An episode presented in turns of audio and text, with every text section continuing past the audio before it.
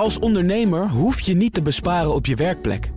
Want IKEA voor Business Netwerk biedt korting op verschillende IKEA-producten. Word gratis lid en laat je werkplek voor je werken.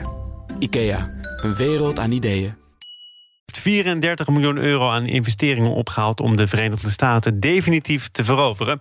Dat en meer bespreek ik in het ondernemerspanel. Dat bestaat uit Remy Ludo Gieling, hoofdredacteur van Sprout Management Team en van AI.nl. Goedemiddag. En voor haar debuut is hier vandaag ook Gemma Broekhuis, eigenaar van Milestone. Mijn zakenpartner is Elske Doets van Doets Reizen. Uh, welkom allen. Uh, Remy, goed om jou te horen, maar ik wil toch het eerste woord geven aan Gemma. Want uh, jij bent hier niet voor het eerst, maar er zullen ook mensen zijn die zeggen: ja, Milestone, wat doe jij ook alweer precies met je bedrijf?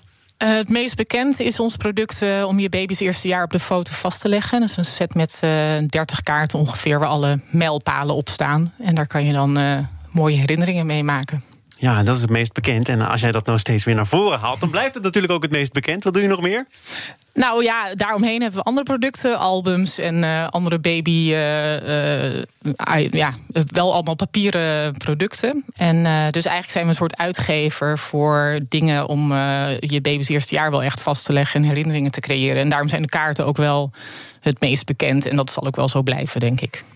Dan omdat dat nou eenmaal zo werkt in dit panel. Jouw eigen nieuws, wat is jou opgevallen het afgelopen... Ja, ik, uh, mij viel op eigenlijk uh, een, een nieuwsberichtje dat, uh, dat er een app is gelanceerd of, of gepland staat om uh, de scanauto's te, te spotten voordat je een bekeuring krijgt. En met name dat erbij stond dat de gemeente die misschien wil verbieden. Of in ieder geval dat overweegt. En ik uh, het viel me vooral op omdat ik wel eens in de auto zat en dan een, uh, een reclame hoorde van Flitsmeister. Die ja. ook uh, bij jullie ja, vaak zeker, te horen is. Zeker. En dan vroeg ik me altijd al af: van hé, hey, mag dat nou? Mag je nou mensen waarschuwen van hé, hey, er komt een flitser aan, dus even afremmen. Um, en toen ben ik ook even gaan kijken. In Duitsland is die bijvoorbeeld inderdaad wel verboden onlangs. Dus deze scan-app voor uh, parkeren uh, vroeg ik me ook af. Wat, ja, mag, kan je inderdaad zoiets dan verbieden en hoe werkt dat en dan? Dat, dat is nu nog niet duidelijk, begrijp ik. Ik neem aan dat Flitsmeister wel mag en dat wij niet willen zijn weten twee keer per uur illegaal ja. bezig zijn. Nou, dat, daar was ik dus ook benieuwd naar, maar dat leek me ook niet. En dat is dus ook niet zo. Maar de scan-app, nou, hij is er nog niet. En de gemeente overweegt dan om hem te verbieden. Ja. Uh, dus het is allemaal nog heel vaag. Maar ja, ik dacht wel van, hé, hey, wanneer maak je daar dan beleid voor als zoiets opkomt en hoe gaat dat dan? Ja, interessant. Maar ja. de meeste mensen hebben toch uh, Park Mobile. Dan heb je toch nooit meer dat je illegaal geparkeerd staat. Dus ik ben er heel blij mee. Nou, uh, uh, ze verdienen er nog steeds heel veel geld mee met oh. parkeerboetes. Ik geloof dat 10% van de heffingen van boetes komt. Of, uh, nou, nee, dat is trouwens voor, ook voor het parkeergeld zelf. Maar een groot deel is dus ook wel inkomsten door de boetes. Dus uh, ja, Remy, de gemeente heeft er wel belang bij. Toch in de sfeer van het uh, verbieden terecht zijn gekomen. de sponsordeal ja. van Easy Toys met FC Emmen. Um, dan ja. heb ik het over een hele korte samenvatting, want die deal gaat niet door. Waarom niet? Nou, het is een, ik vond het, dat is een van de dingen die mij opvielen deze week inderdaad. Er is een, een heel uh, leuk bedrijf in het uh, noorden van Nederland, in het uh, kleine dorpje Veendam. Ergens onder de rook van Groningen ligt dat. En daar heeft een ondernemer in de afgelopen paar jaar vanuit de zolderkamer echt een mega imperium uitgebouwd in, in seksspeeltjes. En nou, het overkoepelende bedrijf heet EDC, de oprichter is Erik Idema. En een van de merken die hij heeft heet Easy Toys. En bij het bedrijf is echt groot geworden. Er werken inmiddels geloof ik meer dan 200 medewerkers of zo. Nou, serieus bedrijf, serieuze club. En hij dacht van nou, wat, wat, wat gaan we doen? Hoe kunnen we nou onze marketing gaan inzetten? Ik wil shirtsponsor worden van FCM. Ik, uh, ook een club uit het uh, noorden van het land, ergens in die regio. Um, en uh, en ik, ja, ik, ik, ik heb daar best wel wat geld voor over. En iedereen in Emmen was daar hartstikke blij mee. Want het is een mooi bedrijf.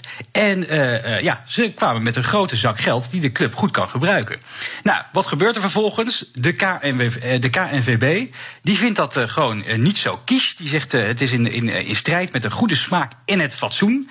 Wat ik weer heel vreemd vind. Want als je naar een gemiddelde voetbalwedstrijd keek buiten het coronatijdperk om.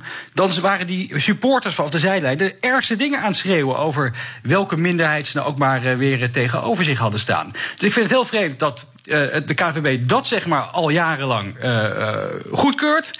En dan dat er een, een, een serieuze, goede ondernemer shirtsponsor wil worden, dat wordt tegengehouden. Plus dat ze ook gokken toestaan hè, op shirts. Dat is ook nog eens zo, inderdaad. Ja. Daar had ik niet eens over nagedacht. Ja, dat heeft de voorzitter van Emmen zelf gezegd. Hè. Het bedrijf als Toto, dat staat op het shirt. Um, En uh, dat staat dan op de mouw van Feyenoord, geloof ik. En zegt hij, de gokindustrie zorgt voor meer problemen. Um, ik, ik zet toch nog even de argumenten van de KNVB op een rijtje. Want zij zeggen het staat in de reglementen. En daar heeft uh, iedereen mee ingestemd, inclusief FC Emmen. En het is dan maar uh, ja, aan ieder voor zich om te bepalen wat fatsoen is of een goede smaak is. Maar uh, KNVB zegt, hier was uh, unaniem instemming over. Ja, ik weet niet zeker zeg maar, of, of, het, of het kopen van een, van een vibrator of het aanbieden daarvan uh, in wet is tegen de goede smaak en fatsoen. Ik denk dat het een, een, heel normaal iets is.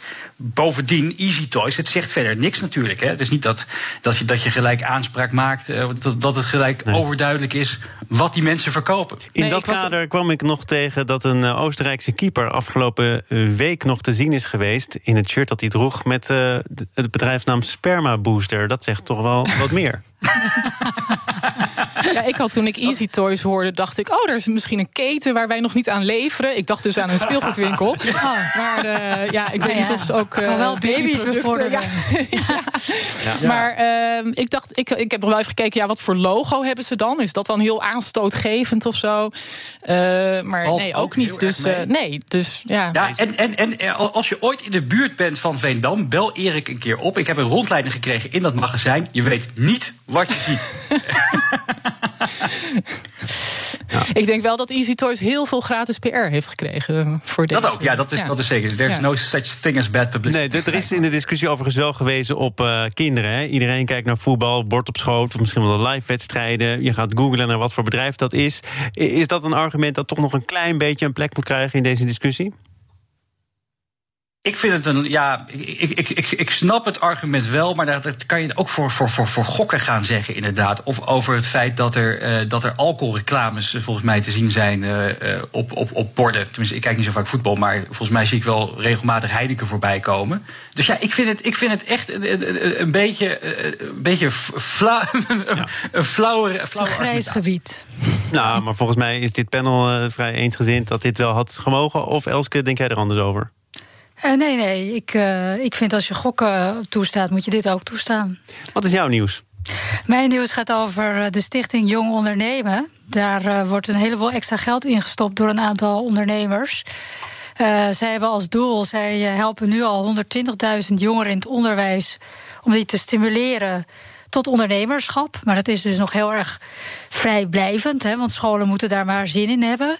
En zij willen eigenlijk bereiken met deze actie dat de overheid dat dus ook uh, ja, gaat accepteren en ook dat bedrag gaat verdubbelen, zodat eigenlijk alle jongeren in het, vooral in het middelbaar onderwijs, maar ze doen het ook op de lagere scholen. Dat, dat vast in het curriculum eh, wordt opgenomen. Ja, ik ben daar natuurlijk ook een voorstander van. Ja. Ik werk ook samen met jong ondernemen, met mijn academy. Maar ik weet, ik heb, ik heb opgroeiende kinderen. Er zijn zoveel dode momenten in dat onderwijs. waarin ze dus lokalen gaan schoonmaken. of oude videobanden gaan kijken. Oude videobanden? Echt waar. Alsjeblieft, ga gewoon met die kinderen dat programma doen. Maar wat is dat dan? Wat is dat dan? Want heel veel scholen willen wel zeggen: ja, god, we hebben niet ja. zoveel tijd over. Dan moet er nog uh, plek worden gecreëerd op het curriculum voor ondernemen. Ja, nou, er komen dan ondernemers. Uh, en die gaan dus uh, inderdaad echt uitleggen wat het spel ondernemerschap inhoudt. Dus eigenlijk zijn dat rolmodellen. En ja, wordt ook uitgelegd dat het natuurlijk helemaal niet zo ingewikkeld is. En er is ook elk jaar een soort uh, contest waarbij dus uh, bijvoorbeeld kinderen van middelbare scholen dus een bedrijf, fictief bedrijf oprichten met elkaar. Dus dan is er een directeur, financieel directeur, dan gaan ze dus ook echt een bedrijf oprichten en met elkaar bettelen.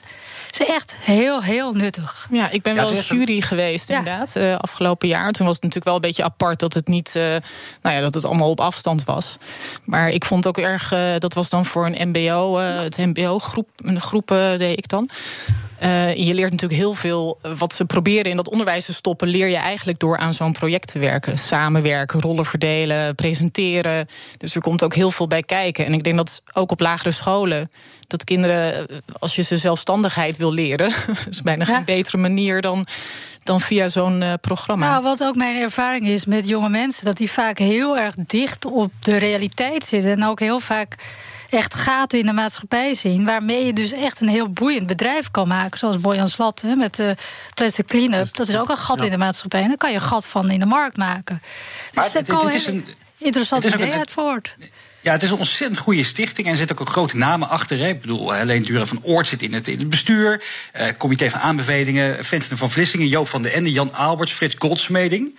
Uh, dus dat is allemaal supergoed. Alleen het, viel, het verbaasde me dan wel dat ze graag wilden dat, die, uh, dat de overheid de investeringen ging verdubbelen. Ik dacht juist zoiets van, nou, weet je, met zulke grote namen achter je, met zulke diepe zakken, ja. over het onderwerp als ondernemerschap, dat is nou precies iets waar je de overheid een keer lekker buiten kan laten. Ja, maar Remy, die scholen moeten het eigenlijk verplicht door een strot gedrukt krijgen dat het gewoon een vast onderdeel is. En daar ben ik het mee eens. Maar, dat, maar het is niet weer de overheid die weer er een paar ton tegenaan hoeft te gooien. Ik denk dat, het, dat je veel beter en dat die scholen kan verplichten om dat uh, in het curriculum op te nemen. Ja, maar als je kijkt naar de totale onderwijsbegroting, is dit natuurlijk een schijntje als ze dat erbij zouden doen. En dat is een stuk beter dan een lokaal school maken, denk ik. Dat sowieso. Dat sowieso. Wij gaan naar een onderneming die al een stapje verder is. Zaken doen. En wij, dat zijn eh, de leden van het ondernemerspanel. En eh, dat betekent eh, dat ik het woord geef aan Elske Doets... mijn zakenpartner van Doetsreizen, Remy Ludo Gieling... en Gemma Broekhuis van Milestone.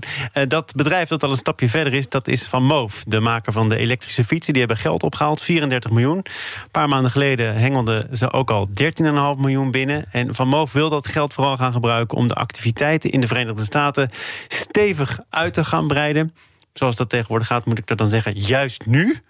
Uh, is dat logisch, Gemma, dat ze het nu gaan proberen? Ja, nou ja. Uh, het is natuurlijk een enorme groeimarkt. Tenminste, als ik om me heen kijk, dan heeft iedereen uh, in de afgelopen paar jaar. Uh, we hebben zelf inmiddels zo'n Urban Arrow voor. De, we hebben drie kinderen. Dus daar uh, vervoeren we de kinderen mee. Ik weet niet wat het is. Oh, dat is zo'n die, die bakfiets die je oh, die door bakfiets. Amsterdam ziet snap dat je dat niet Maar wel elektrisch is die, ja. toch? Ja. Elektrisch, ja. ja. en, en mijn man heeft toevallig ook net een elektrische fiets gekocht. Dus het, alleen al in ons gezin zijn Zo we van 0 naar 2. want iedereen doet dat natuurlijk. Iedereen doet het dus, ja. Maar geen dus, van Moof. Daar, daar, laat ik me verder niet over uit. Welke, volgens mij die fietsen van Van Moof zijn echt fantastisch. Ik heb mij vanochtend laten mooi. informeren door uh, iemand die haar vriend daar werkt. Je ziet het dus niet. Het zit dus in het frame en er zit heel veel technologie in. Ja. ja dus dus ja, dat maakt ja, het heel aantrekkelijk. En heel erg zelf ontwikkeld. Hè? Dus ze zijn niet afhankelijk van allerlei uh, leveranciers. Die, ja. Remy, toen ik dit uh, las, toen moest ik denken aan een stuk dat ik vorig jaar las in Sprout. En ik heb het er nog maar even bijgepakt. Dat ging over de financiën bij Van Moof. Het ging over investeerders, over leningen, crowdfundacties. En um, als ik het moet samenvatten, dan is de conclusie: er komt heel veel geld binnen, maar er gaat ook weer heel erg veel geld heel snel uit. Ja, um, beetje, staat dat nog steeds overeind? Ja, het is, nog, het is een soort on-Nederlands bedrijf wat dat betreft. Uh, een van de twee oprichters, uh, het zijn twee broers, hè, die zijn uh, Taco, die, die woont ook in, in, in Taiwan om daar die, die fabriek te runnen waar ze die dingen maken. En ze hebben in de afgelopen jaren steeds stapje voor stapje meer geld opgehaald, inderdaad. Om uiteindelijk die laatste fiets die ze hebben geïntroduceerd, die, die S3 en die X3, uh, kostte net iets onder de 2000 piek. En dat helemaal zelf uh, te ontwikkelen. Dus hoeven er bijna geen, uh, geen, um, geen onderdelen van andere leveranciers meer in te kopen. Maar dat kostte heel erg veel geld. Om, om al die onderdeeltjes zelf te kunnen gaan maken. dat hebben ze nu gedaan. En ze willen het nu volgens mij vooral gaan investeren om die capaciteit op te schroeven. Zodat ze die fiets ook kunnen uitleveren. Want ze hadden de afgelopen maanden best wel veel leveringsproblemen. Omdat die vraag in één keer zo groot werd naar elektrische fietsen. Zeker ook vanuit de VS, waar iedereen natuurlijk als de dood is om het virus te krijgen. En de bus vermijdt en dan maar de fiets gepakt. Maar als je het, uh, want ik heb ook wat gelezen over dat piepen en kraken van Van Moof. Als je het zo bekijkt, is dit dan het moment om te zeggen, terwijl je het dus al lastig op orde krijgt, omdat die vraag zo enorm toegenomen is, om dan te zeggen: nee, we gaan echt nu nog veel groter inzetten op de Verenigde Staten? Ja, ik vind het wel, ik vind het wel, ik vind het wel, wel, wel, wel, wel fijn. Dat er af en toe van die ondernemers zijn die, die, die, die, die, die, niet te kleinzerig denken en gewoon echt vol ervoor gaan. Ze hebben volgens mij het geld ook opgehaald zonder die mensen ooit fysiek de hand te hebben geschud te kunnen hebben. Dus kom maar door met die, met die, met die 43 miljoen.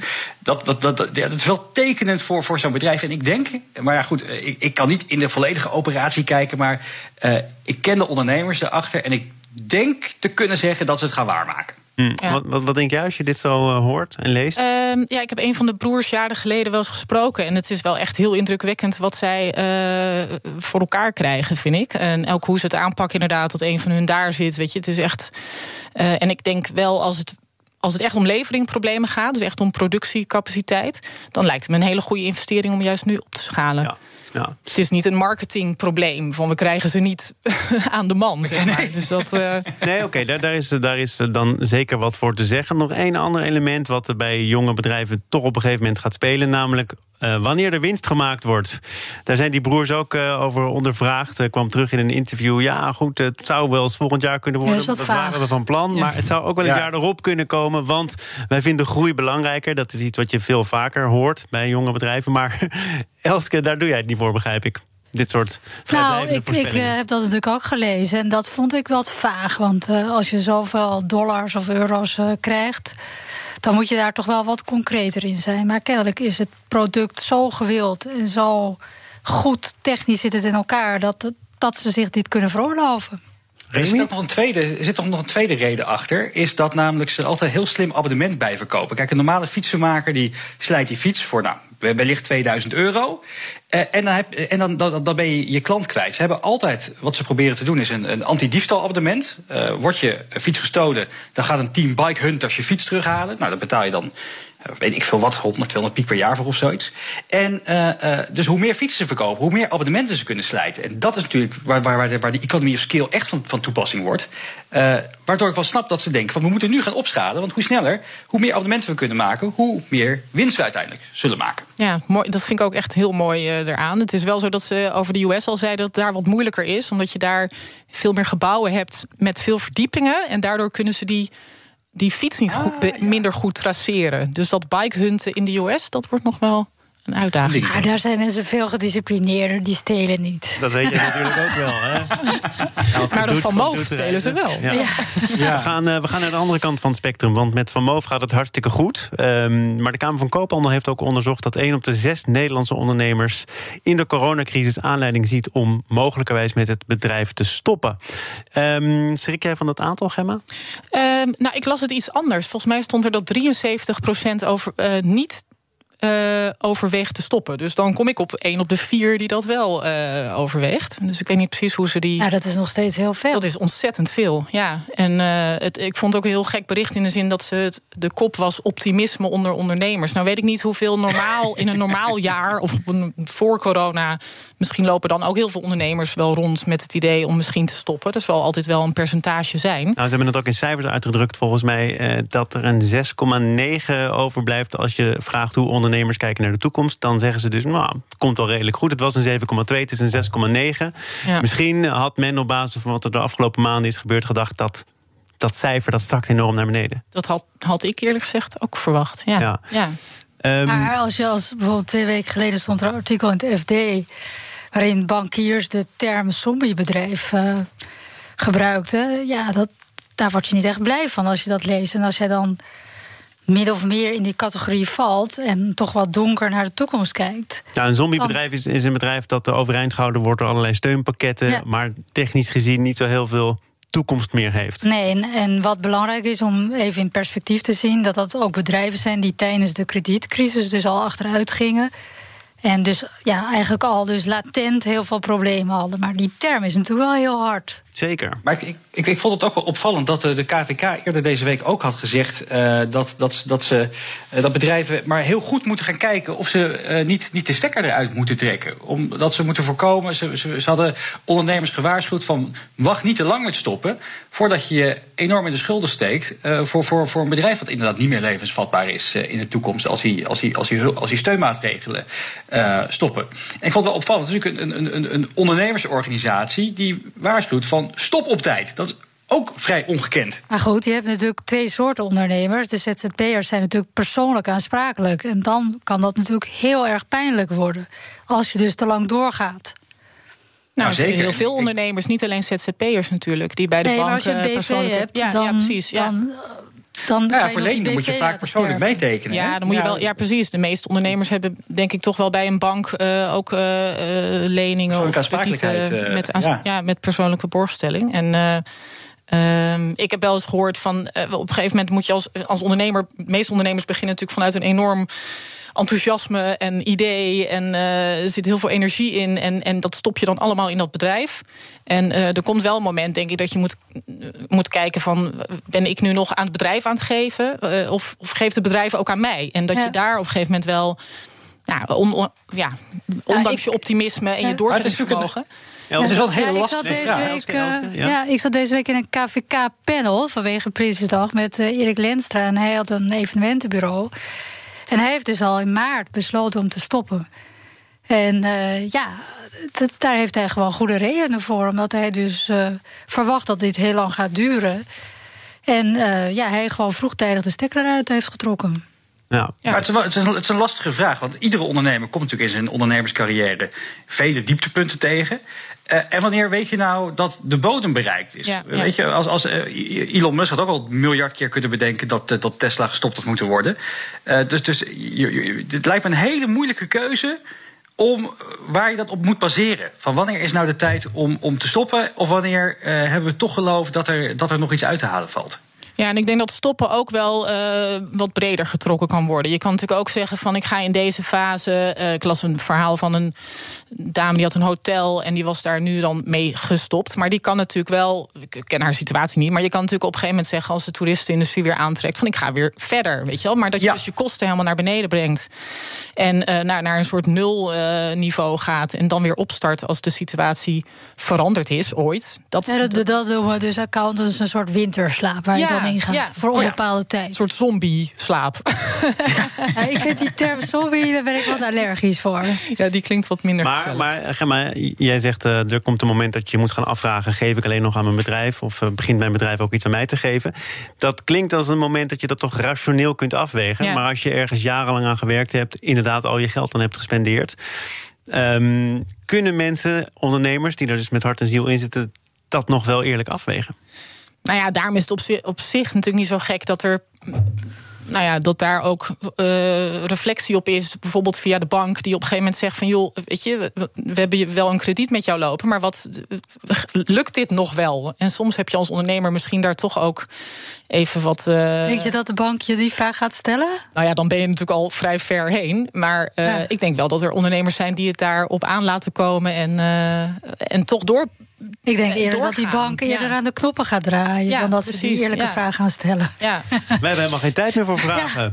Dus uh, dat betekent dat het erop zit. Jouw debuut dus ook, Gemma. Ja, nou, hartstikke leuk. Tot uh, de volgende keer, Gemma Broekhuis van Milestone. Remy Ludo Gieling van Sprout en managementteam en AI.nl... en mijn zakenpartner Elske Doets van Doets Reizen. Dankjewel voor de afgelopen twee uur. Maandag dan is er eh, weer een nieuwe uitzending. Dan is Simon de Vries te gast. Hij is de topman van Farming. En dat biotechbedrijf hoopt een medicijn tegen het coronavirus te hebben. Hoe staat het met het onderzoek? Maandag de laatste stand van zaken. Nu is het eerst tijd voor Nieuwsroom. Dat is onze dagelijkse podcast van het FD en BNR. Gepresenteerd door Mark Beekhuis. Goed weekend. Tot maandag. Het inrichten van je eigen zaak is best wel wat werk. Daarom biedt IKEA voor Business Netwerk 50% korting op interieuradvies. Word gratis lid en laat je werkplek voor je werken. IKEA, een wereld aan ideeën.